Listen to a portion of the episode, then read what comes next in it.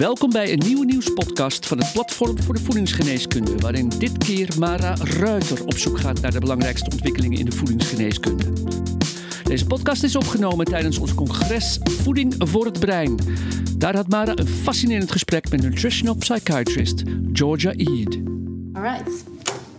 I will start in Dutch and then I will switch to English. Right? Okay. um, welkom bij de wekelijkse nieuwspodcast van Voedingsgeneeskunde. Bedoeld om jou te inspireren en te informeren over de rol van voeding en leefstijl in relatie tot gezondheid en ziekte. Leuk dat je luistert. Mijn naam is Mara Ruiter. Ik ben redacteur bij uh, Voedingsgeneeskunde.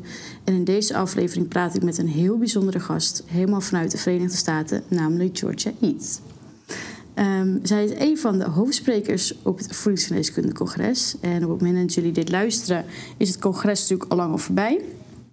Uh, maar ja, voor ons is het nog in volle gang en gaat Georgia zo meteen het podium op voor haar lezing. Um, waar zij meer gaat vertellen over de invloed van voeding op onze mentale gezondheid. Um, I will switch English now. Georgia, welcome. Really nice that you are here today with us. Um, we already spoke a little bit, but you've never been to the Netherlands before. No, I'm really excited to be here, and I really appreciate the invitation and the opportunity to, to meet people from the Netherlands and share some information about food and the brain that I hope will be interesting. Yeah, it's, I think it's really special that you're um, all the way from the United States here in the Netherlands. We're really happy to be there. Um, for the people uh, who don't know you yet, would you like to tell a little bit more about who you are and what you do? Sure. So I'm a psychiatrist. So uh, for the first 10 years of my career, I've been a psychiatrist for over 20 years, but for the first 10 years of my career, I practiced uh, conventional psychiatry with using medications to treat um, chemical imbalances in the brain and using psychotherapy to treat the psychological uh, you know, stress and trauma and uh, roots of mental illness. But um, a lot of my patients weren't getting that much better. I mean, not everybody medicines help and psychotherapy helps, but it doesn't help enough. It doesn't help enough people. It doesn't help completely, and some people don't um, respond to those treatments. So, for the last 10 years or so, I have been also using nutrition interventions, so um, uh, diet and lifestyle interventions, and probably the most, probably the, the cornerstone, the most important uh, strategy or intervention that I use in my work, which has been so powerful, has been the ketogenic diet. Okay. And um, I understand that you uh, worked at the Smith College in the Harvard University Health Service, and you were the first um, to offer nutrition based therapies as an alternative or adjunct at um, psychiatric medication. I can imagine that for the people there, it was they are quite skeptical maybe in the beginning because you're the first and it wasn't really well known to use uh, nutrition-based therapies. Right. So uh, I was uh, I specialized uh, in college mental health. So I I worked with college students and faculty and staff at Harvard University, which is also where I where I trained to become a psychiatrist. So I worked there for seven years, and the director, uh, when I was first there was very open and allowed allowed the psychiatrists on the staff to to include alternative therapies and in addition to medication and other types of work they allowed. For example they allowed me to use some nutrition interventions with the patients that were interested. And so that was nice. I could yeah. combine the two but and uh, but then the, the leadership changed and we had a new director and that director did not think that nutrition belonged uh, in the in the psychiatric care um, of students and so they asked me to stop and oh. which is why I went to Smith College, where they said, "Yes, you can you can use these therapies if you want." Okay. Um, so yeah, it's and, and even at Smith there was eventually some some difficulty because some of the things that I recommend to students are a little bit different than what the dietitian on the on campus would say or what the wellness director uh, would say, um, especially about sugar.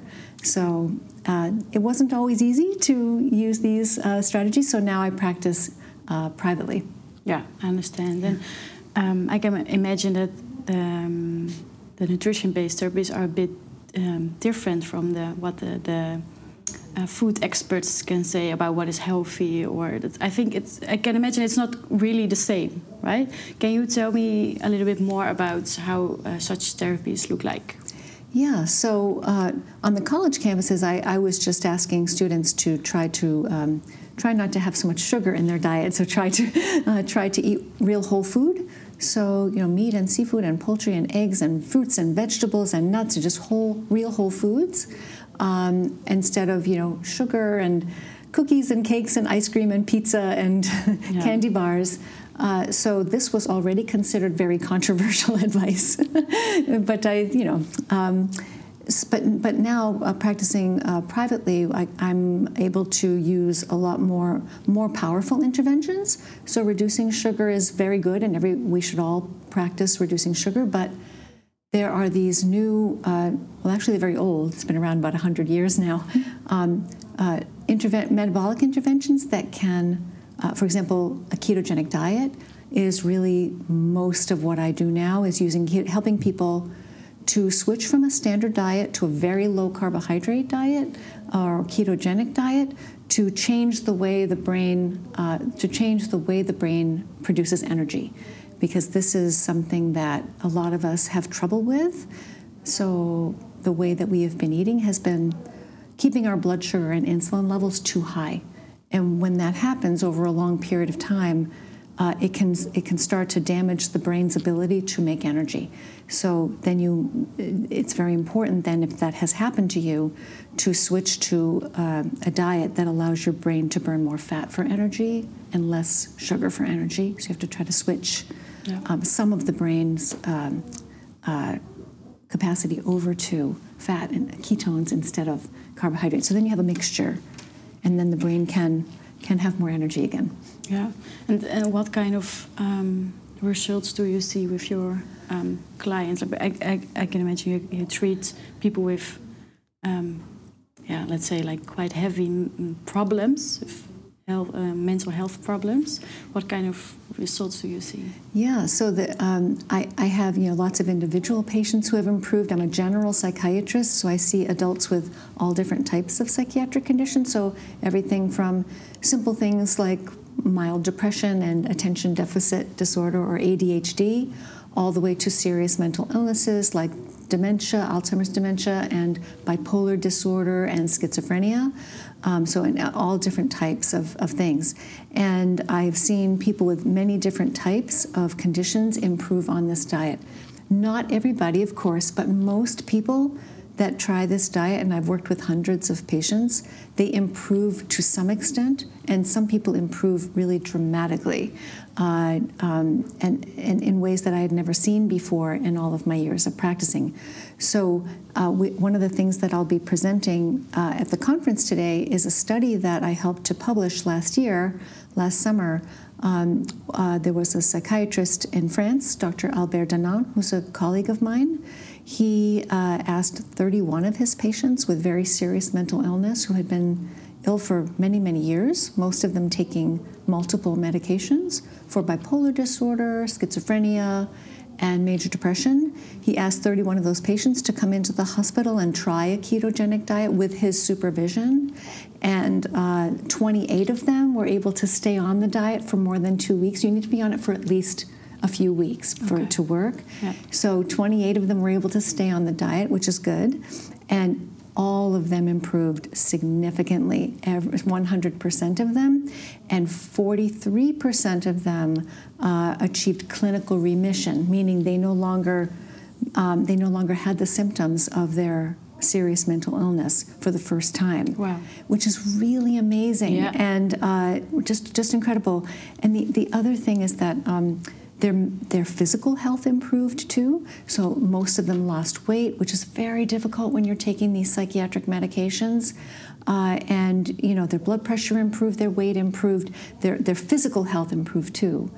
And 64% of them left the hospital on less psychiatric medication, which wow. is the opposite of what we usually see. yeah, that's amazing. Yeah. And um, can we say that the the brain healthy diet is it does it work because of the uh, the quitting the sugar or is it a combination of also adding more uh, healthy fats and protein or how can you explain why this works so good this is such a good question because uh, there are some answers that are very clear and some answers that we don't know. Uh, when you switch from one diet to another diet, you're making many, many changes. So when you switch from a, a very de- a very bad modern diet with lots of you know, fast lots of sugar, lots yeah. of fast food, and uh, sugar and flour and uh, uh, those kinds of things, uh, vegetable oil. When you move from this highly processed diet, ultra processed diet, to a whole foods ketogenic diet, you're changing many things. Yeah. yeah. Uh, so, uh, what we really need is uh, a very carefully conducted uh, research studies that can tease those things apart so we can see was this because it was a ketogenic diet, or was it because it was just a very healthy whole foods diet, or was it both? And uh, so we need the studies to show that. But I can tell you from other types of uh, work that has already been done, other types of research, that the ketogenic, the, the, the, the fact that it was a ketogenic diet probably had a lot to do with it because we've, we've known for over 100 years that the ketogenic diet can stabilize brain chemistry. And that's from many decades of uh, experience and research with epilepsy which is a seizure disorder. Um, and so the ketogenic diet was not originally developed for weight loss. It was originally developed to stabilize brain chemistry yeah. in people with seizures. So we know that that yeah. we know a lot about how this diet works. But when we look at these patients with these mental illnesses in this French study, we can't be 100% sure that it was because it was ketogenic. Yeah. It may, I mean, it may have been a combination of different factors. Yeah. The results are amazing. Yeah. Um, thank you a lot. Thank you for coming here. Um, and, and thank you for uh, sharing your story. Um, dank ook voor alle luisteraars. Uh, binnenkort verschijnt het nieuwe nummer van ons vakblad. Met daarin ook een uitgebreid interview met Georgia Ede. Um, waarin we nog dieper ingaan op dit onderwerp. Dus uh, abonnees kunnen het magazine snel op de deurmat verwachten. Maar heb je nog geen abonnement, dan kun je die afsluiten via onze website. En volgende week is er natuurlijk weer een nieuwe podcast, dus graag tot dan. Meer over voeding, het brein en Georgia Eat is te lezen in nummer 3 van vakblad Voedingsgeneeskunde. Losse nummers en abonnement via de Voedingsgeneeskunde website. Gratis en voor niets het laatste nieuws in je inbox. Schrijf je dan in voor de wekelijkse nieuwsbrief op www.voedingsgeneeskunde.nl. Interview Para Ruiter, redactie en productie voor de Papot Techniek Sjoerd Kaandorp. Voedingsgeneeskunde is een project van uitgeverij Media Medica.